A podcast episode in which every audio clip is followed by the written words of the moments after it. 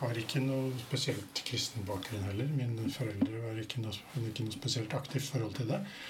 Så kom jeg inn i et miljø hvor jeg leste litt i Bibelen, og så ble jeg veldig slått av både det, liksom det tankemessige, eh, særlig eh, beskrivelsen av mennesket, men også mer det med sånn, Jeg følte at jeg møtte Jesus.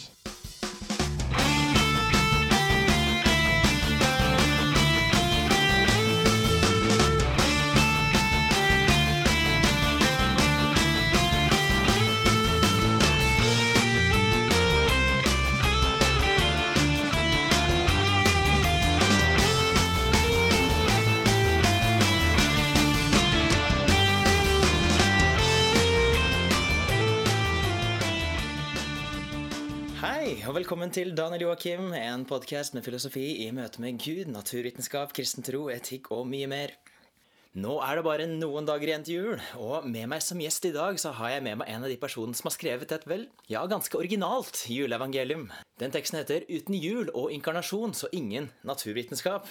Med meg i dag så har jeg professor i informatikk på Universitetet i Oslo, Sverre Holm. Så vi skal høre litt mer om hva han har å si, både om hvordan han blei kristen, eh, hans tanker om forholdet mellom kristen tro og vitenskap, og noen av hans eh, favoritter blant troende naturforskere opp gjennom historien.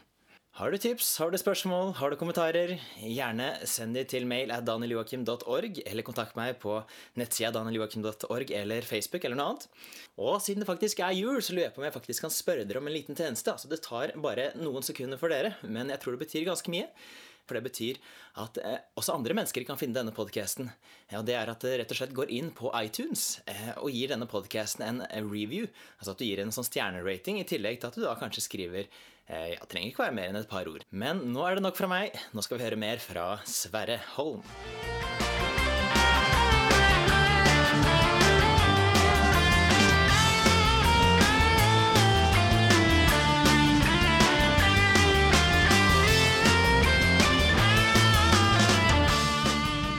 Hei og velkommen tilbake. I dag så har jeg fått med meg en spennende gjest som heter Sverre Holm. Altså ikke Sverre Holm som er Benny Olsenmannen, men noe enda bedre. Eh, Han er professor i informatikk ved Universitetet i Oslo. Velkommen, Sverre. Tusen takk. Veldig artig å være med på podkasten din. Eh, Og Sverre, du er jo over gjennomsnittlig opptatt av lyd og jobber med dette til det daglige. Jeg Kan du forklare veldig kort hva du driver med til vanlig for oss vanlig dødelige? Altså, jeg startet med å være veldig opptatt av sånn lyd som du hører på i min ungdom, men jeg har endt opp med å jobbe med lyd som du sender inn i kroppen for å eh, se ting, altså for medisinske formål. da, Ultralyd og beslektede um, måter å se inn i kroppen på. Så, eh, og det har jeg holdt på med siden jeg ble professor her i 1995, så jeg er litt sånn, sånn i grenselandet mellom fysikk og informatikk. da kan du si. Mm. Og hva slags formål har egentlig denne forskninga til lyd? Altså Det er jo en del medisinske formål, sikkert. Ja, det er, det er det. Det men eh, jeg har også beveget meg mer mot at jeg Hvorfor beveger, eller hvorfor påvirkes lyden som den gjør i kroppen? Så det er mer det er ikke så nyttig lenger, men det er veldig mer grunnleggende. Fordi at jeg i fysikk i dag så de du hører mest om, er um, de som jobber på de veldig store tingene. Altså på kosmologi, svarte hull, eh, Big Bang eh, og den type ting. Og så hører du om de som jobber med de veldig små tingene. og har eh, partikkelakseleratorer på Cern i Sveits og sånn. Og jobber med kvarker og strengteori og sånn. Men så fins det en fysikk innimellom som det store flertallet jobber med. som er, og, og Min fascinasjon er med det veldig komplekse. Og da er det ting som går på fraktaler og eh, lange hukommelser, potenslover for å beskrive ting og, og sånne ting som, eh, som, vi finner av ting eh, som, som vi finner når lyd går i kroppen. Mm. Det som påvirker lyden når det går i kroppen.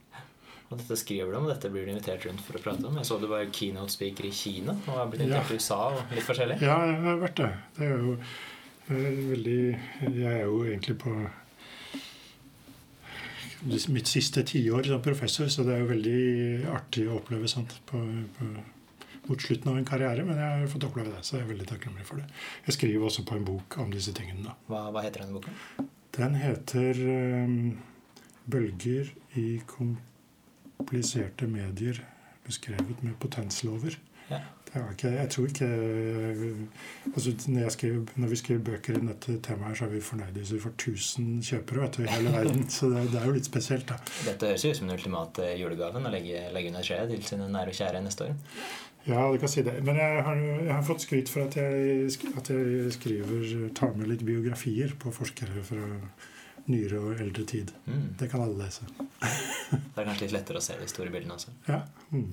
Eh, I dag så er du med fordi eh, for et par år siden så skrev du en kronikk til Vårt Land sammen med Bjørn Are Davidsen, eh, som var litt, sånn, litt annerledes juleevangelium. Eh, Tittelen på den var rett og slett 'Ingen, ingen jul og inkarnasjon', så ingen vitenskap. Og på denne podkasten har vi jo prata litt om forholdet mellom kristen tro og vitenskap på de par siste episodene. Ja, så har det vært, og er det, en krig, eller i hvert fall en motsetning mellom kristen tro og vitenskap. Så vi skal snart komme litt tilbake til det, men først har jeg lyst til å høre litt mer om deg. Har du alltid vært kristen? Nei, jeg har ikke det. Jeg har ikke noe spesielt kristen bakgrunn heller. Mine foreldre var ikke noe, ikke noe spesielt aktivt forhold til det. Og, eh, men eh, gjennom gode venner og etter at jeg hadde sagt nei til å konfirmere meg, men sånn i 16-årsalderen, så kom jeg inn i et miljø hvor jeg leste litt i Bibelen, og så ble jeg veldig slått av både det, liksom det tankemessige, eh, særlig beskrivelsen av mennesket, men også mer det med sånn, Jeg følte at jeg møtte Jesus. Mm. Som, så litt mer, veldig konkret, egentlig. da. Så det var litt mindre sånn Paulus-opplevelse, men litt mer en prosess, kanskje? Ja, men jeg, jeg, vet akkurat hvilken dag jeg tok imot Jesus på, så det er veldig konkret sånn. Ja. Mm. Eh, og det er litt spennende du sier. Eh, hva slags menneskebilde var det som, eh, som tiltalte deg? Det tiltalte meg egentlig veldig mye at uh, jeg syns Bibelen hadde en veldig realistisk beskrivelse av mennesket som stemte med min erfaring. Og da gikk det særlig på dette at um, alle har syndet og står uten ære for Gud, som det står i rombrevet. Altså den negative siden ved mennesket. Mm. Jeg syns det var en veldig Det var ikke noe som prøvde å feie det under teppet, men en ordentlig god forklaring. Veldig dyptgripende forklaring. Og da, da, ble det ikke så vanskelig å akseptere at uh, Bibelen faktisk hadde en løsning på det Altså. Mm. Eh, men likevel så har jeg sett at du skriver at du, du ble interessert i vitenskap før du ble interessert i kirke. for å ja, si sånn. jeg ble det. Jeg har en gang skrevet at det kanskje, kanskje jeg var heldig. Fordi at jeg visste ikke at det var en konflikt da jeg ble en kristen. Mm. Det tok lang tid før jeg visste at det tilsynelatende skulle være en konflikt. Jeg har jo skjønt etterpå at det er jo egentlig ingen konflikt. da. Det er jo det vi skal snakke om. egentlig. Men, eh, men eh, det var noe annet etter hvert. Og jeg studerte på, på NTH eller NTNU, som det heter nå, i Trondheim. og jeg var med i et veldig aktivt kristent miljø, men jeg syntes at det var litt fattigslig på liksom litt dypere tanker. Så jeg leste en del filosofi. og på 70-tallet så var um, Francis Schaeffer en som han leste når han var kristen og opptatt av litt mer. Mm. Uh, og jeg har lest alt av han, faktisk.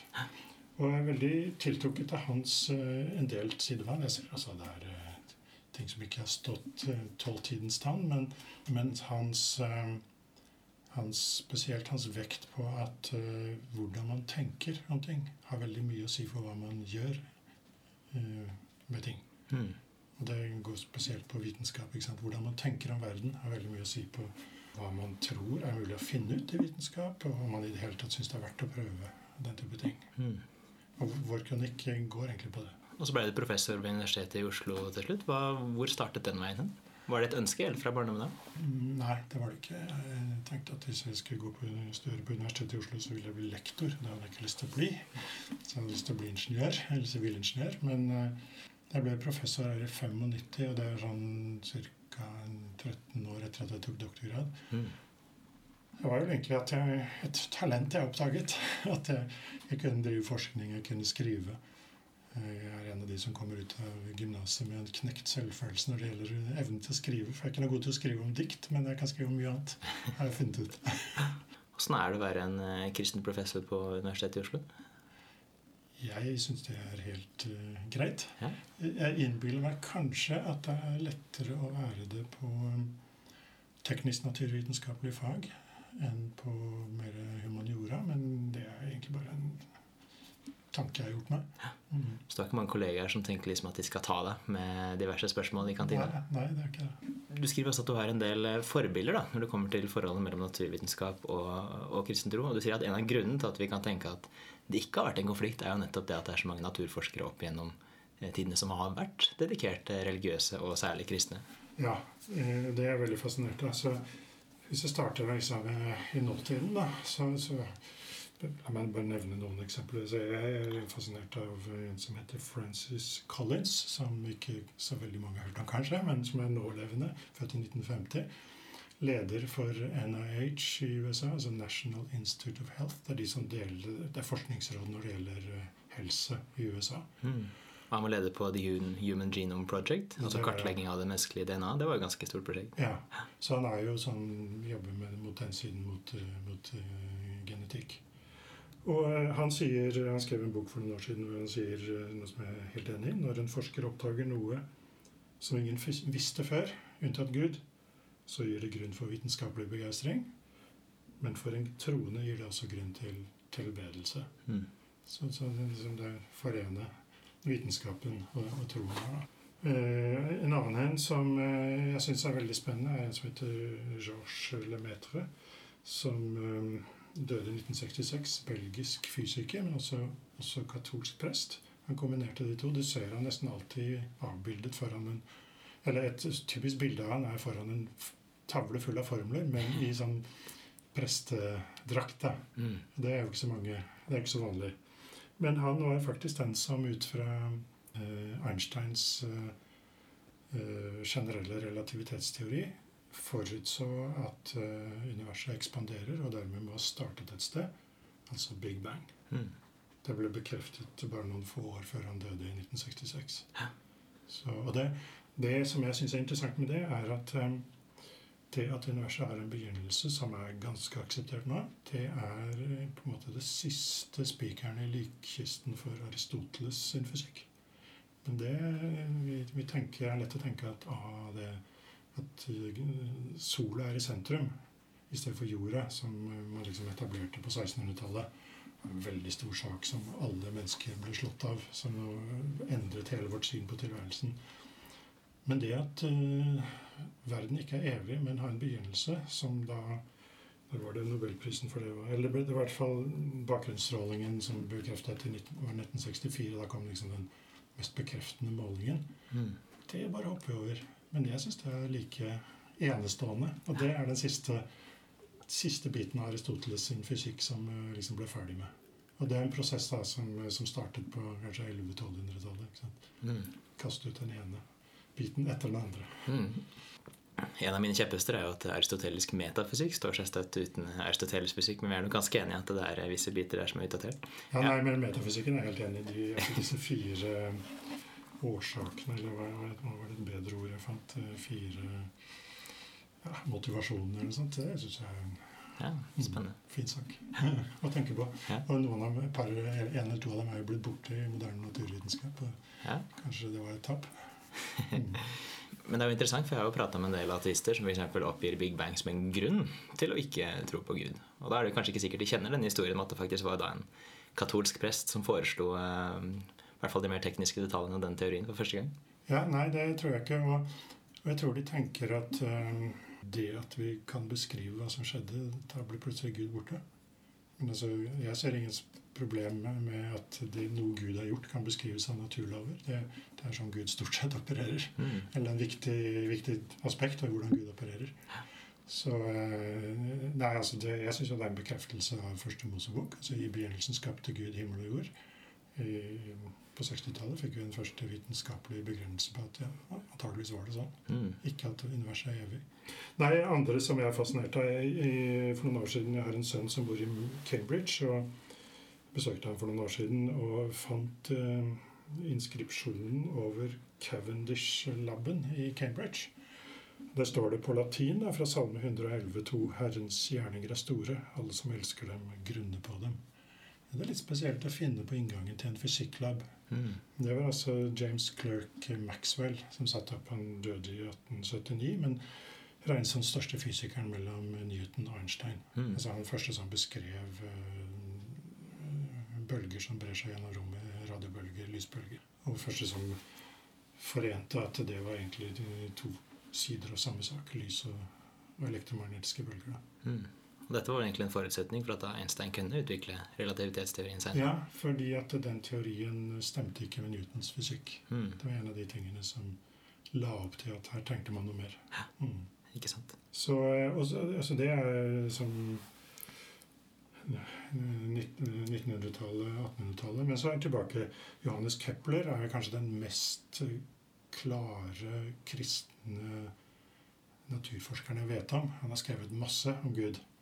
Og da er vi på Han døde i 1630, men han var den som kom med ellipsebanene for planetene første gang. Vekk fra sirklene. Og jeg har et sitat altså Disse lovene ligger innenfor den menneskelige ånds rekkevidde. Og Gud ville at vi skulle erkjenne dem da han skapte oss i sitt bilde for at vi skulle ha del i hans egne tanker. Så det går en linje fra han til Francis Collins, som også uh, oppdager noe som bare Gud visste før og, og tilber. ikke sant? Så han er også veldig fascinerende. Mm.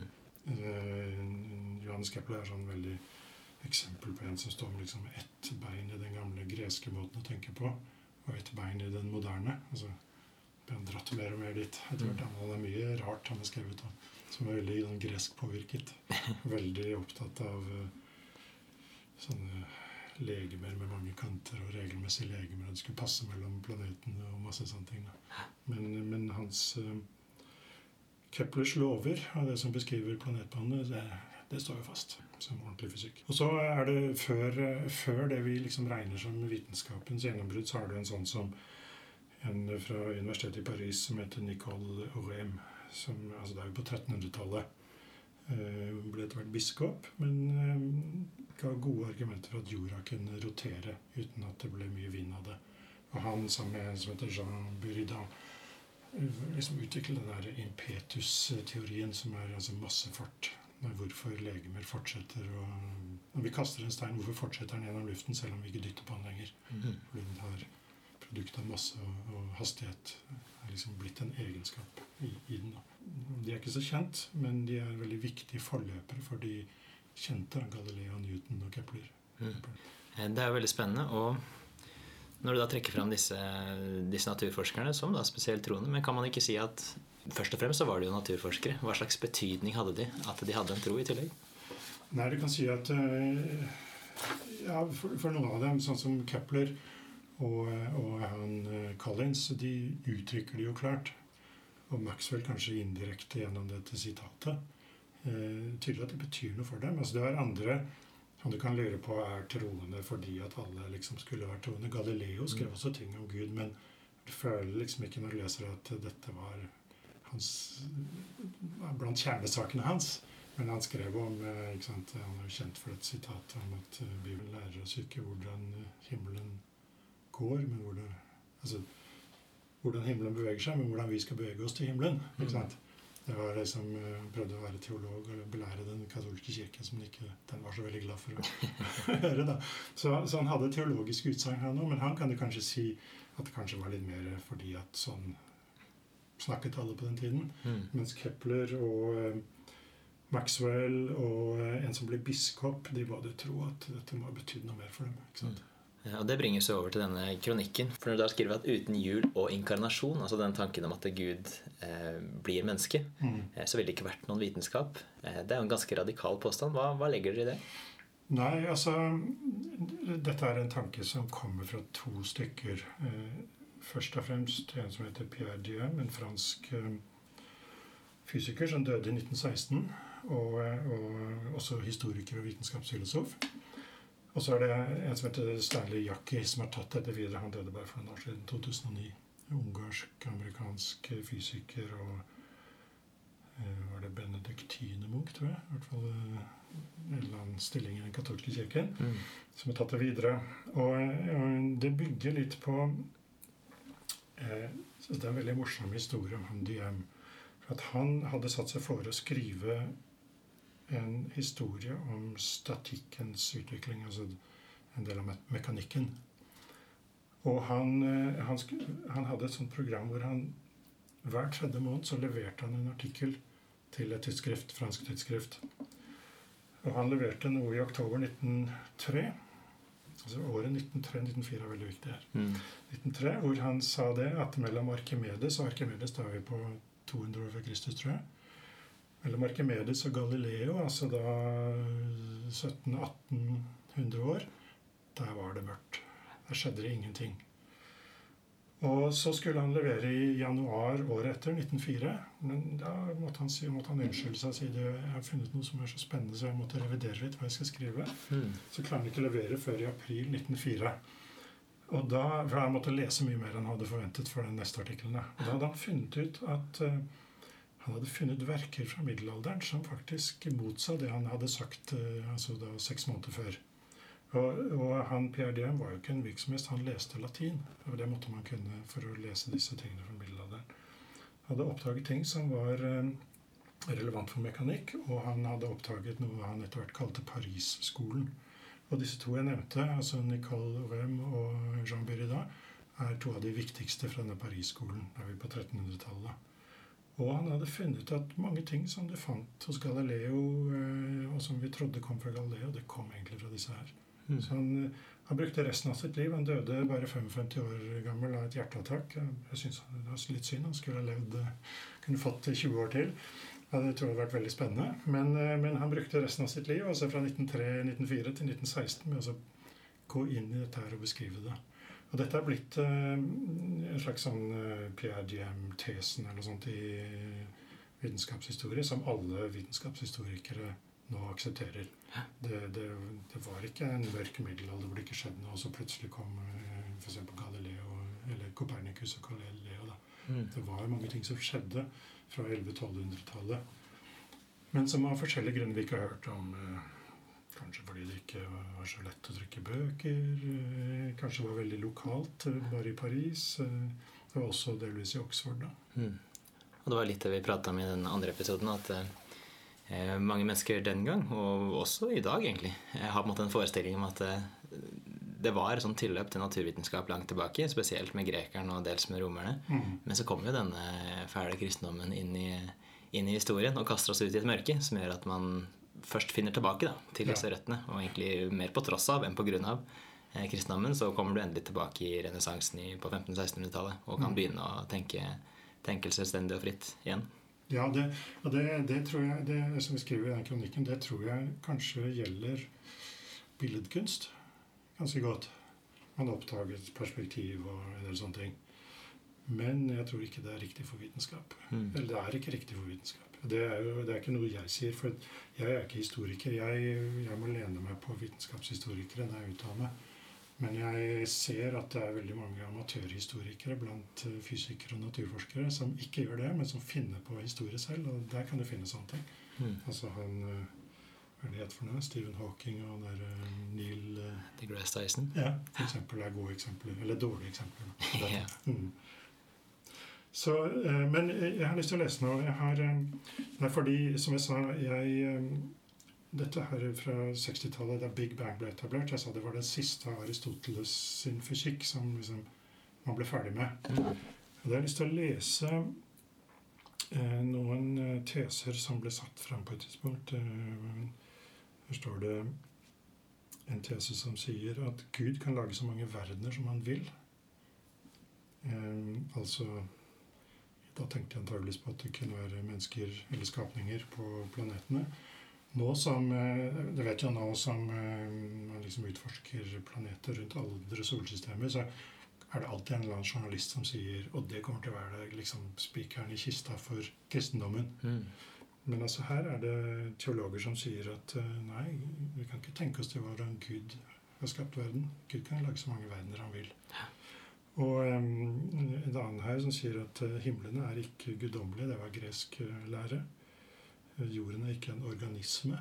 Den er materiell. Ikke panteisme, altså Gud bor ikke i steiner og hus og, og sånt. Gud er utenfor verden. Verden er ikke evig. Og den siste er en som ikke så mange vet om, men det, det er ikke noe som heter at verden går i et kretsløp, som vi kalte det store året. Mm. Altså tusenvis av år. Og dette, Alle disse tingene her er selvsagte for oss i dag med vårt uh, vitenskapelige syn på verden. Men dette var teser som uh, biskopen av Paris uh, satte opp i 1277 mot Aristoteles sin fysikk. Mm. Og de mener at det der var et veldig viktig år. Det, det er ingen historik som er helt enig med han om, men, men, i hvert fall det er en slags markering av at det at uh, det var visse ting med Aristoteles som liksom holdt oss tilbake fra å utforske verden på en riktig måte. Mm. Tenke riktig om verden. Og det er en sånn arv fra det greske. Sånn at det er et brudd med det, denne arven her som var en viktig del på 12-, 13-, 14-, 1500-tallet. Det kommer videre. Mm. Ikke en videreutvikling, men et brudd. Så noen liker på en måte å fremstille det her som en slags sånn sensur, men kanskje først og fremst var det en slags sånn eh, Nei, vi får ikke lov til å begrense hva Gud kan ha gjort med naturen. Ja, ja det, det. det kalles fordømmelsen i Paris, og det høres veldig negativt ut. Men, eh, men uh, Diem prøver å få en sånn positiv spinn på det. Mm. Og nå som du snakker om litt sånn en animistisk måte å forstå virkeligheten på, du snakker også om en sånn syklisk historiefortelling, at det ikke det fins en start og en slutt, men ting går på en måte i sykluser. Vi kommer til å være her igjen. Da kommer du kanskje litt til nervene av hvorfor Eh, hvorfor vi trengte akkurat en sånn kristen virkelighetsforståelse da, for at naturvitenskapen skulle vokse frem. Ja, og det, det er det han Stanley Jackie som, som har videreført fra Pierre Diem, akkurat den saken der.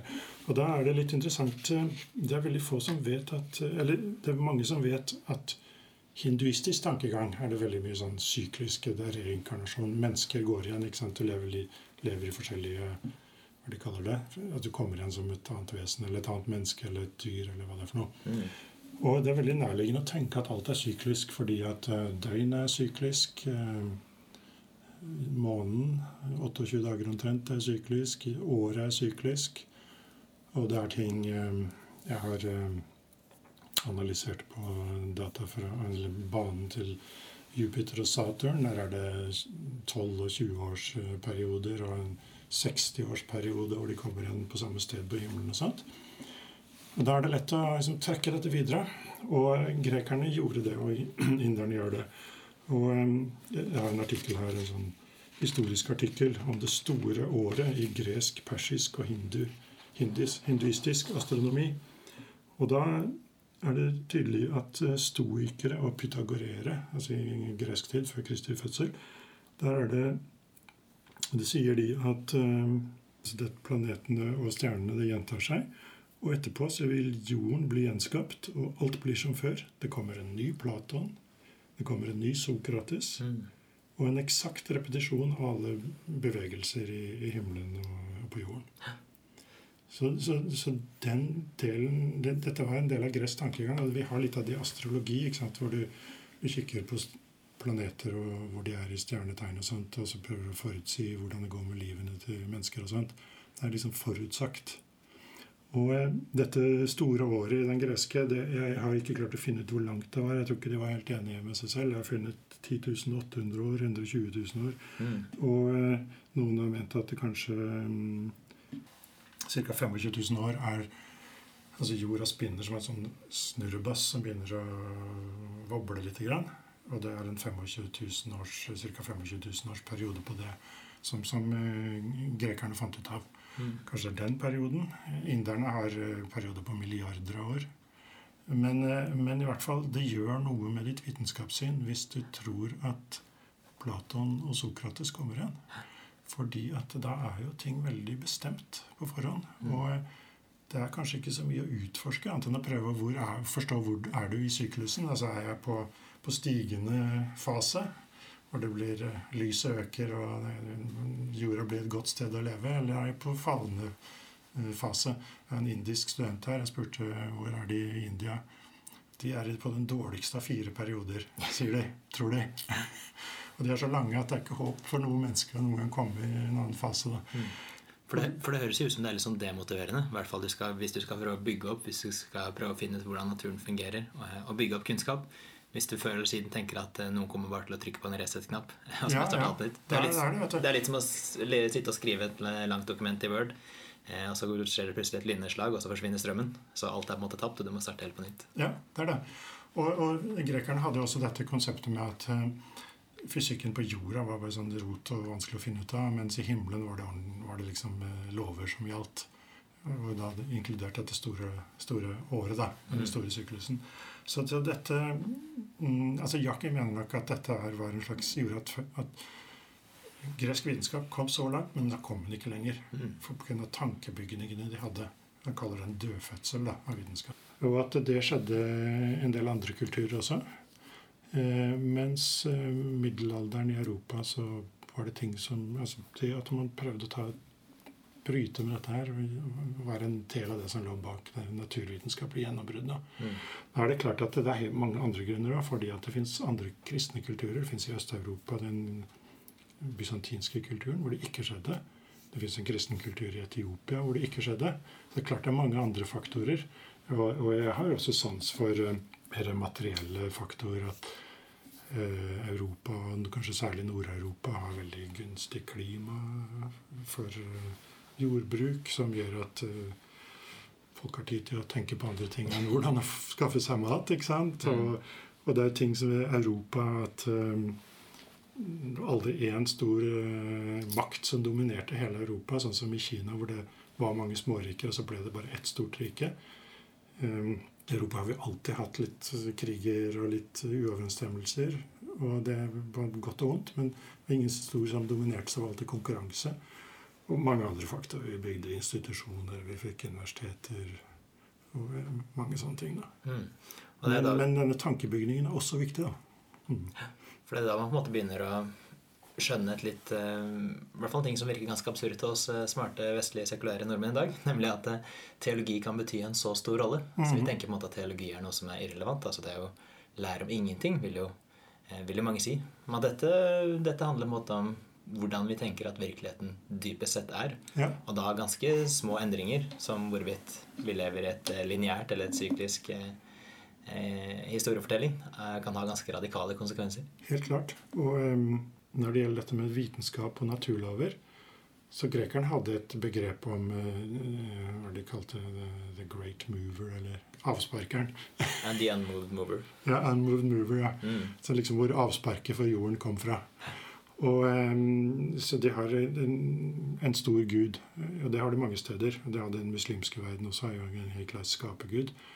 Og jødiske. Men uh, Og det er veldig lett, syns jeg, at vi begrunner liksom at uh, naturvitenskap ja, det trenger en skapergud. Da er det lettere å forstå hvorfor vi har naturlover, og lettere å begrunne dem. og Særlig hvis vi kan skille mellom en sånn første og andre årsak og sånn.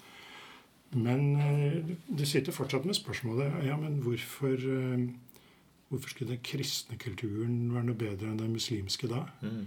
Og da, da, er det dette unike med den kristne middelalderen eh, at den er veldig sånn som du sier, på lineær tid. Det skjedde ting i historien. Og vi kan bare tenke hvorfor har vi 2017 i år, og snart 2018? Mm.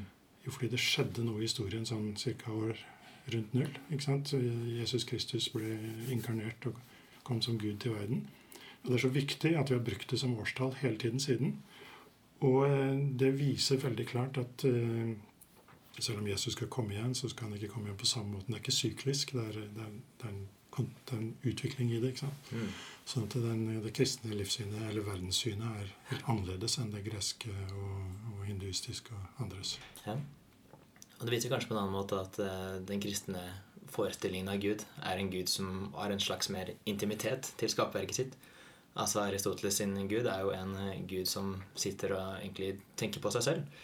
Så det gir oss veldig lite indikasjoner på hvorvidt uh, han nærmest har utstyrt dette, dette skapverket med rasjonelt forståelige lover, og mm. nærmest har en tanke med at denne skapningen mennesker skal kunne forstå. Ja, og det, det, det, går jo også litt på det som jeg nevnte så vidt, med sånn primær og sekundærårsak. at det var jo også et begrep som, eh, som jeg har hvert fall klart sporet tilbake til han William fra Conscious, eller Guillaume de Conscious. Mm. Fra Conch er det vel kanskje heter på fransk. fra Normandie, i hvert fall. På, da var vi på 1100-tallet. Som kanskje var en av de første som formulerte liksom det at Gud eh, er den primære årsak til alt. Og det er alle monoteistiske religioner er jo enige om det også. Det er også Aristoteles sin gud var det, primære mm. årsaken.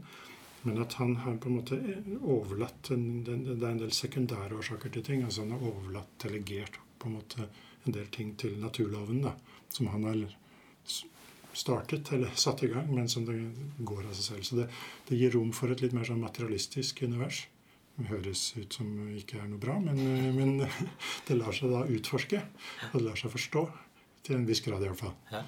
Det er vel det sies Louis at eh, Gud ønsker materie. Altså han, han skapte det jo. Ja, og, og, og, Gud ble menneske, kom til verden, til den materielle verden. Mm. Han er ikke bare liksom i en eller annen sfære for seg selv. Vi trenger i hvert fall ikke å tenke at uh, dette materiellet er noe ondt, noe galt som vi må komme oss vekk fra. Nei. Altså til det egentlige virkelige, som er noe åndelig. Det er bra du sier, for jeg har brukt hele livet mitt på å prøve å utforske det. så, nei, så, så der eh, ja, så dette er, det, dette er noe unikt. altså ikke Ut fra disse syklusene. Vi bryter med de syklusene. Vi har sykluser på veldig mange ting, som jeg sa. ikke sant, Døgn og året og sånne ting. Men akkurat på hele verden så har vi det ikke. da. Mm. Og det stemmer jo så godt med, med Big Bang og, og det er hva de kaller det, altså jorda skal, Sola skal slukne, eller hva det er for noe som er den vitenskapelige måten å se på slutten på. Mm. Det får vi se hva som Ja. skjer. Den som lever så lenge. Stjernedød og det som er her. Ja. Så, så Jesu fødsel er veldig skjellsettende, og da, da er det akkurat dette ordet ble kjød, eller ordet ble menneske og tok bolig blant oss. Mm. Som, som er den som skjedde for ca. 2017 år siden. da. Mm. Dette er veldig spennende å høre om, og det er også en eh, ting man kan ta, ta med seg inn i jula. At, Ja, det er eh, det. Mm. Grunnen til at vi feirer jul også i, på mange måter er eh, årsaken til at vi har en sivilisasjon som vår, med, med mange av de tingene vi setter pris på. Hvordan skal du og dere feire jul? Jeg har jo fire barn og tre barnebarn, så det blir jo litt sammen med dem, da. Ja, så det, det blir familie. Og så Ja. litt på hytte i Telemark. Leser du opp fra Lukas evangeliet, eller leser du opp fra Pierre Duhems sine skrifter på julaften? Aldri tenkt på at jeg skulle lese PRDM, men kanskje jeg skal gjøre det, gitt. Ja. Veldig godt forslag. Ja. Da takker jeg egentlig for følget. Jeg tror eh, både jeg og mange andre har lært veldig mye nå i løpet av de siste minuttene. Så eh, tusen takk for at du kom, Sverre. Selv takk. Veldig artig å prate med deg.